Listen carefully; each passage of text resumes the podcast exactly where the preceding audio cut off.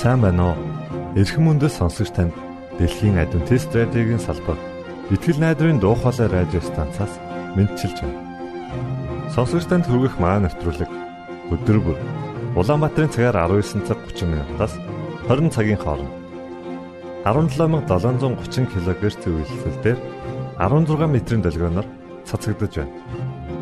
Энэхүү нэвтрүүлгээр танд энэ дэлхий дээр хэрхэн аз жаргалтай амьдрах талаар зарчим болон мэдлэгийг танилцуулахдаа бид таатай байх болноо. Таныг амарч байх үед аль эсвэл ажиллаа хийж байх зур би тантай хамт байх болноо.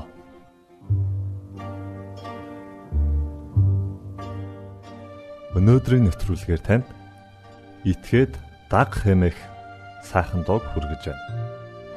Үүний дараа та өөрийгөө байлдан дагуулагч болгон хөгжүүлэх хэмэх цуврал нэвтрүүлгийг сонсох болно. Та бүхэн таалан сойрхноо.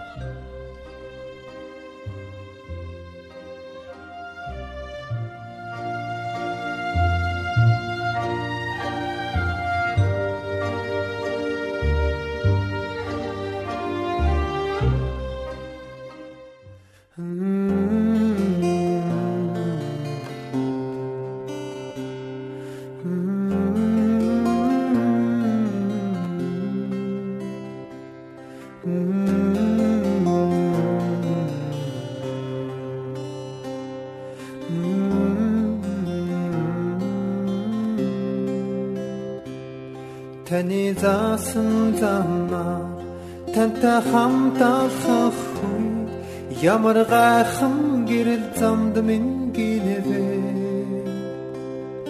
Таны хүслийг үйлдэж танд итгэж дагах үед бидний дэргэд хамт байсаар байдаа Есүстэй хамт баяр хориг мэдрээ Өөр ямар ч зам энд байхгүй. Зөвхөн итгэж даа Гэхдээ тэглийн тэр зам сатотгор их байдаг. Халуун хайрыг тань яаж тэд мэдэх вэ? Гэрэлт найдвар дотороо аялаж байгаа хүн бүр таны бэлсэн баяр баясгаланд орно. Есүстэй хамт баяр хориг мэдрээ өөр ямар зам энд байхгүй зөвхөн итгэж даа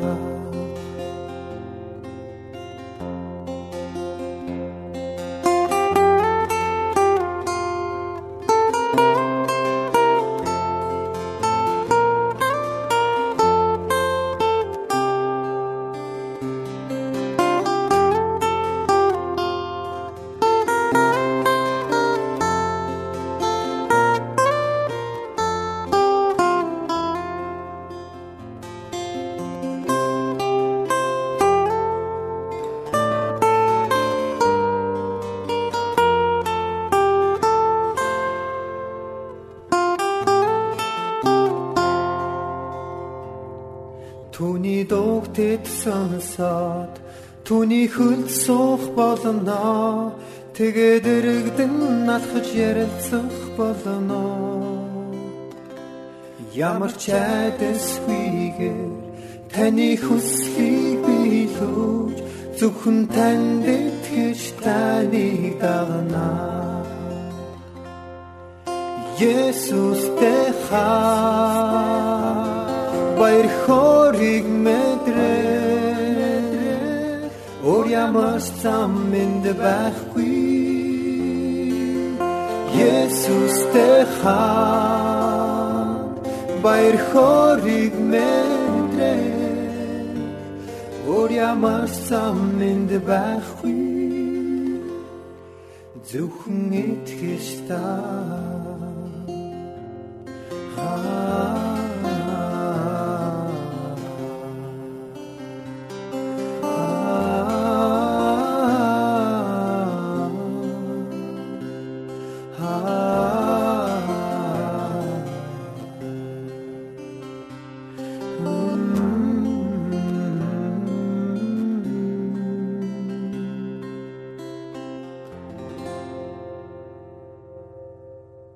Сайн байцгаана уу сонсогчдоо.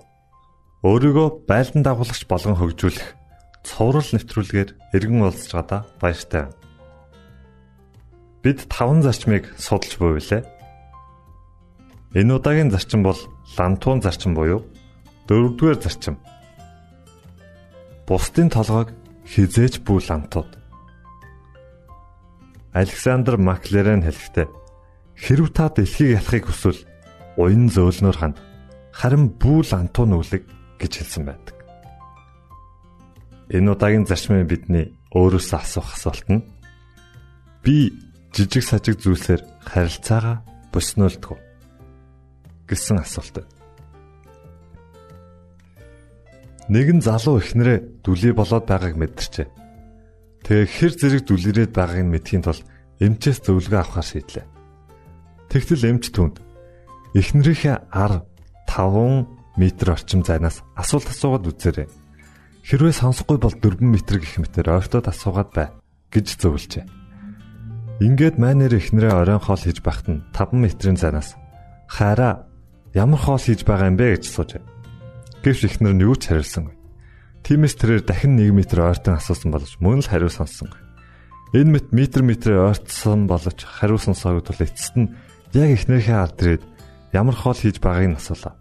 Гэтэл эхнэр нь "Жим, дахианы мах идэнэ" гэж 5 удаа хэллээ шүү дээ гэжээ. Энэ түнд эхнэрийнхээ биш өөрийнхөө сонсголыг шалгах ёстойг сануулжээ. Би эхнэр Маргариттайгаа 1969 оны 6 сард гэрэлсэн.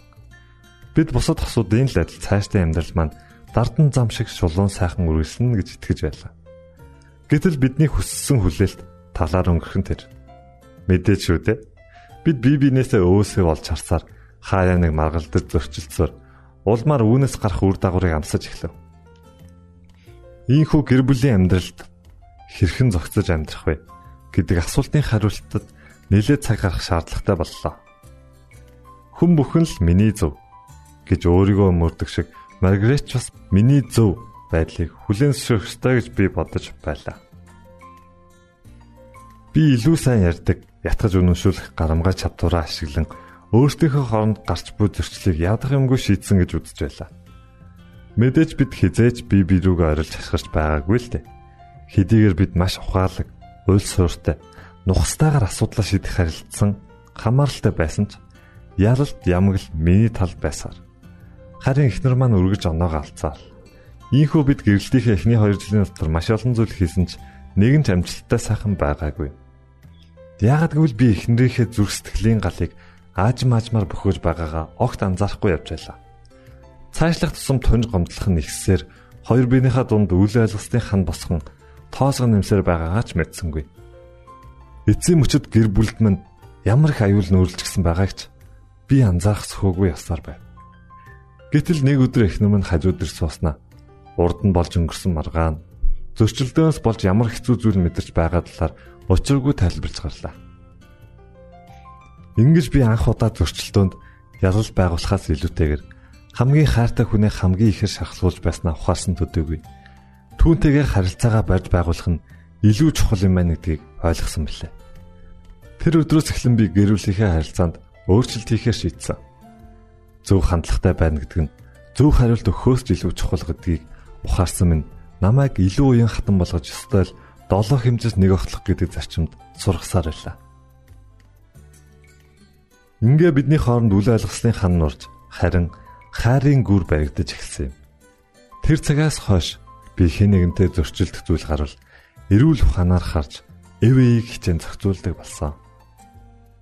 Хэрвээ надад ланту байсан бол хүүхэд эцэг эхийнхээ үгэнд дуулуурыг хандаж залхууран хоригших үед алган боовны амт мэдрүүлснээр дуулууртай идэвхтэй болдог. Энэ хүүхэлдэйн киноны баатар Кельвинтэй адилхан юм.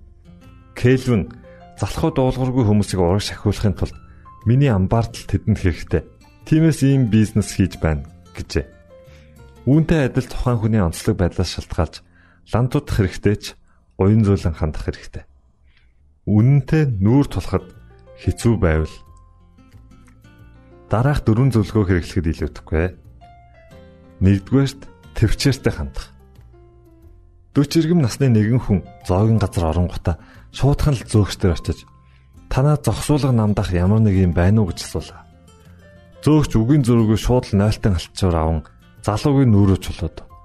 Гэтэл өнөөх нь лантуудулсан юм шиг хөөе чи чинь яаж байна гэж гайхсан янзтай асуутал худалдагч инээснэ. За харда та зогсгоо болчихсон тийм үү? Гэтэл залуу би ийм арга байдаг гэдгийг мэдээгүй юм байна. Эхнэрээсээ ч гэсэн асуусан боловч тэр машин дотор суугаад үлдсэн гэжээ. Тимээс хүмүүсийг асуултаа асууж дуусгаас өмнө лантуу мэт хариулт өгөхөөс хамгаалахын тулд өөрийгөө сурга. Хэн нэгэн өөрийг өөрийн санааг надтай хаваалцах үед би дараах зүйлийг баримталдаг. Сонсдог, асуулт асуудаг, бас дахин сонсдог. Дахин асуулт асуув. Бүр их сонсож тэгээд бас л асуудаг. Тэгээд хариулт өгдөг. Би хэдий ч нэ өөрийгөө нөгөө хүний оронд тавих тусам төдий ч нэ төвчээртэй илүү зөв зохистой болдог гэдгээ мэдсэн. Хоёрдугаар зөвлөгөө. Тохирсон хугацаа. Зохиолч Даан Заадрагийн бичсэн нэгэн тэмдэглэл. Чи хизээ хийх гэж байгаагаа биш, харин юу хийх гэж байгаагаа тооцоол гэсэн байна. Харин би үүнтэй санал нийлдэв. Хэрвээ генерал хүн зөв цагтаа л дайралтаа хийхгүй бол тулаанд ялагдал хүлээн. Хүн дээр өвчлсөн хүүхдээ эцэг их нь хурдхан шиг эмнэлэгт аваачихгүй бол хүүхэд үхэх ч аюултай. Хэрвээ та хэн нэгнээс уушлах үедээ л гоохгүй бол харилцаа чинь бүр мөсөн дуусах болно. Зохиолч хатагтай Дороти Невел хэлэхдээ ярианы жинхэнэ ур чадвар нь зөв цагт зөв үг хэлхээс гадна хэлмээр байсан буруунд хэллгүүлэлтэй хэлдэг хэмээн маш чухал зүйл анхааруулсан байдаг. Тийм ээ. Зөв цагт хийсэн таны үйлдэл нь хамгийн чухал юм. Мэдсээр байж хийхгүй байна гэдэг нь томоос том асуултын тэмдэг лээ. 3 дугаар зөвлөмж дууны өнгө. Өрх толгоос нэгэн эмэгтэй 3 болон 5 настай хоёр хүүхэдтэй байжээ. Тэрээр хүүхдүүдийнхээ бүдүүлэг яриаг байнга засах гэж оролдог байв. Тэгэж чадах бүх зүйлээ тэдний төлөө хийж бүр сэтгэл зүйчдэр хүртэл аваадсан боловч ямар ч нэмэр болсонгүй. Ингээд эмэгтэй арга тасарч дотроо инхүү боджээ. Ерөөсөө тэдний энэ муу туршлыг засахгүй л бол би хинч биш болох нь. Хүүхдүүд манд үргэлжлүүлэн хараал хэлсээр байх болно. Тэгэхээр ах нарыг минь хараал хэлэх үед ээжийн хэрэглэж байсан аргыг л хэрэглэе дэ гэж шийджээ. Тэгээд маргааш өглөө болоход 5 настай хүүн сэрээд галтаараа галтоогоо руугаа ортол ээж нь Хүү минь өглөөгөнийхөө цайнд юу идэх вэ гэж асуув. Хүү ээж рүүгээ хараад жаахан жимсний чанал гэснээ хараал хэлв. Тэгтэл ээж нь түүнийг алгадаж орхитол хүү үсрээд явчихав. Гэтэл 3 настай дүү өмнө хизээч ээжигээ ийм байгааг хараагүй тул бүр алмаарч орхив. Тэгээд ээж нь түүний нүд рүү хараад "За, чи өглөөнийхөө цайнд юу идэх вэ хэмээн нилээж хэрүүн дуугаар асуудал хүүгийн нүдэн дохон дээрээ гаргашгаж та тоглоогүй болтой гэд хараал хэлснэ. Би дахиж хараал хэлэхгүй гэж хариулжээ. Хэрвээ хэн нэгэн тань руу хашгичж уурлвал хариуд нь ээлдэг намуунаар хандаарай. Хэдийгээр тэр хатуу хүн байлаач зөөлөж тайван болох болно. Бидний үүгээр анаас илүүгээр хүмүүс бидний хандлага, үйл хөдлөлт хариу үйлдэл үзүүлдэг. Мөн их их жижиг сажиг маргаан бидний дуу хоолой өмнөөс шалтгаалan усдаг. Нэгэн мэрэгэн сургаалт намун зөөлөн өгс уур хилэн дамжаадаг бол Хүйтэн хөндөй өгс уур хилэн асаадаг гэж хэлсэн байдаг. Та үүнийг туршиж үзэж болно шүү. Дөрөвдүгээр зөвлөмж хандлагын хэм хэмжүүр.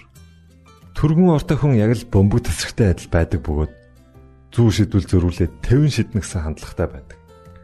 Энэхүү хандлага нь түнд нэлээд бэрхшээлүүдийг авчирдаг төдийгүй тулгарч буй асуудлуудын хэмжээнээс болоод гарах шийдвэр нь хүртэл дээш доош хэлбэлцэж байдаг. Үүнийг дараах байдлаар дүгнэж болно. Тухайн үйл хөдлөлөөс үүдсэн хариу үйлэл нь сөрөг байвал асуудал хурцддаг. Тухайн үйл хөдлөлөөс үүдсэн хариу үйлдэл нь эерэг байвал асуудал намждаг.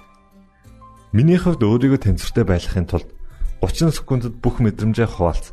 Тэгээд гүйцээ гэсэн сануулгах журам баримталдаг.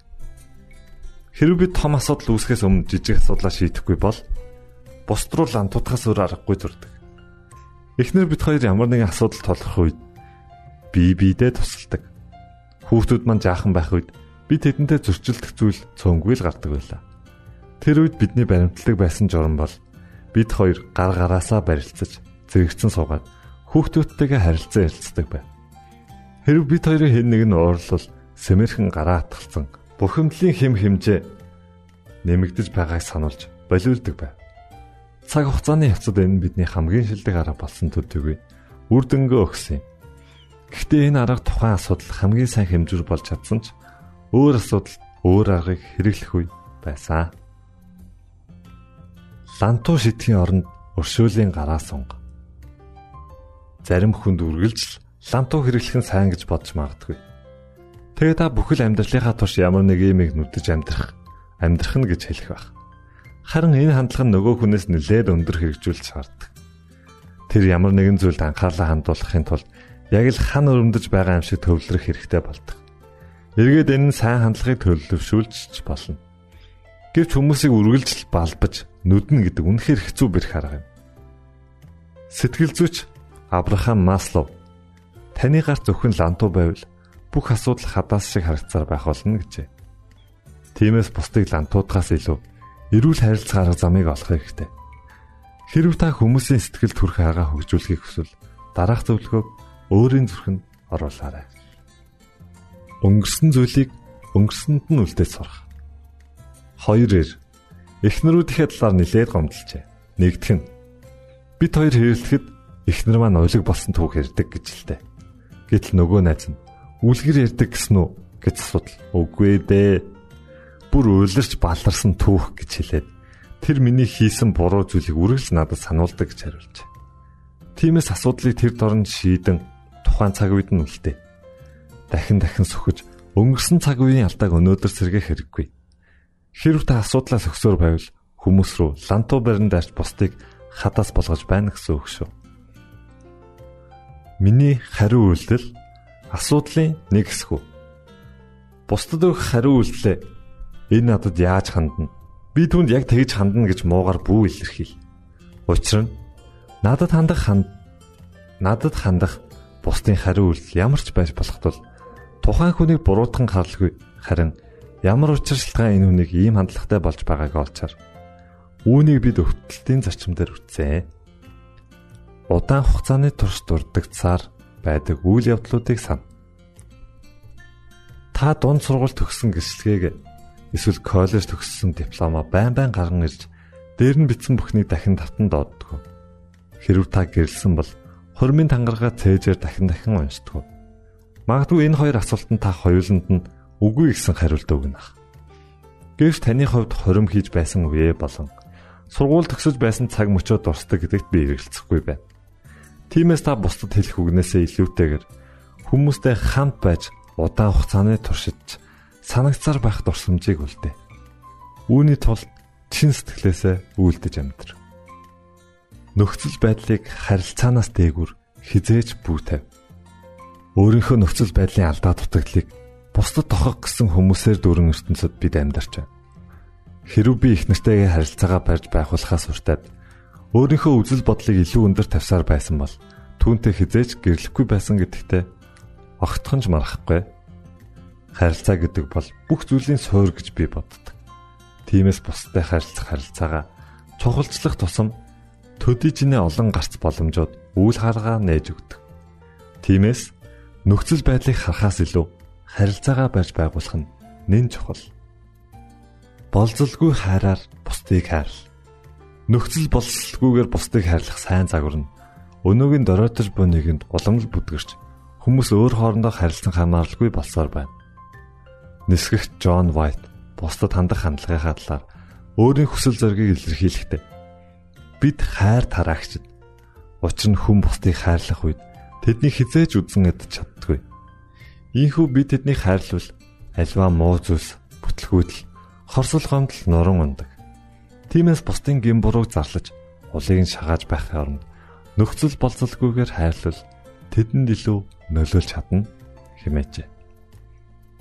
Буруу зүйлийг хүлээн зөвшөөрч уучлахгүй.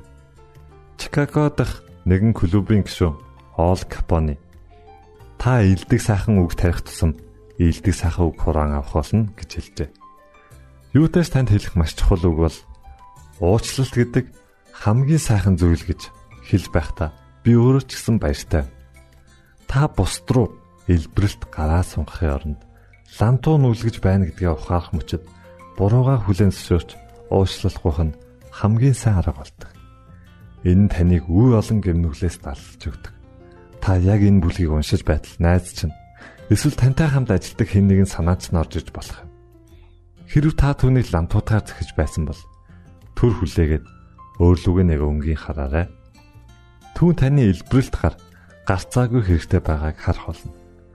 Хүн бүр тулгардаг асуудал бол тэд цаг үргэлж лантуу хэрэглэж байдаг гэдгээ мэдэхгүй л байгаа юм. Майк Кемэх банкны хөрөнгө оруулагч залуу лантуу шидэж байсан тул үүнээс гарах гарц олохын тулд ерөнхий дасгалжуулагч Goldstein-ээс өөртөө туслахыг хүсв. Тэрээр өөрийгөө түнд гадаа бол эрэлхийг дайчин боловч гэртээ нохоо харсан муур шиг л хүн гэжээ. Тэгтэн Goldsmith хүнд эхнэр рүүгээ залгаад өөрийг нь хэрхэн дүүнж байдаг талаар асуу гэж зөв. Гэтэл эхнэр нь түүнийг тэр гэртээ арслан бар шиг л байдаг гэж хэлсэнд түүнийг мэйл гайхаж цэл хөхрүүлж орхижээ. Хүүхдүүд нь ч хүртэл ээжийнхээ эснийг батлсан тул эцэст нь Майк өөрийнхөө үнэн байдлыг хүлээн зөвшөөрчээ. Ингээд Goldsmith хамаг байдаг хүмүүс чинь тойл барьсантай адил. Тэд танд харж байгаагаа л хэлэх болно. Та тэдэнд итгэхгүй байлаач. Үнэндээ танд хайртай учраас үннийг хэлдэг. Хэрв та үнийг үргэлжлүүлсээр байвал таны эргэн тойрны хүмүүс хадастай адил болох болно гэж зөвлөжээ.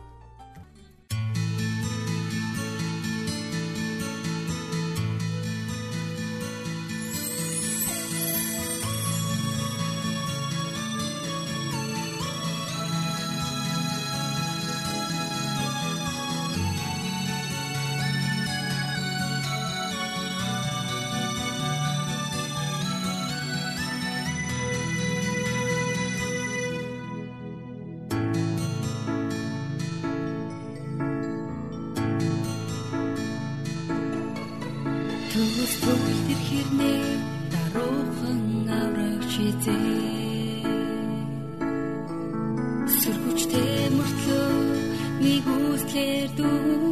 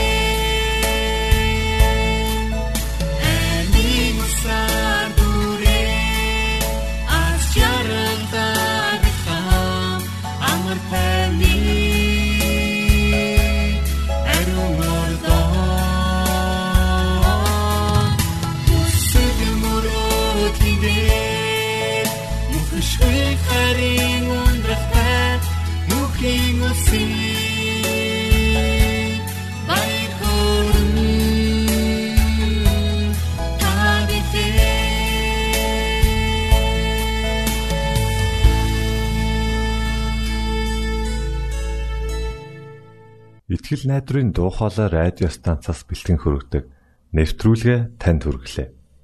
Хэрв та энэ өдрийн нэвтрүүлгийг сонсож амжаагүй аль эсвэл дахин сонсохыг хүсвэл бидэнтэй дараах хаягаар холбогдорой. Facebook хаяг: Satiin усгээр Монгол заавад AWR Имейл хаяг: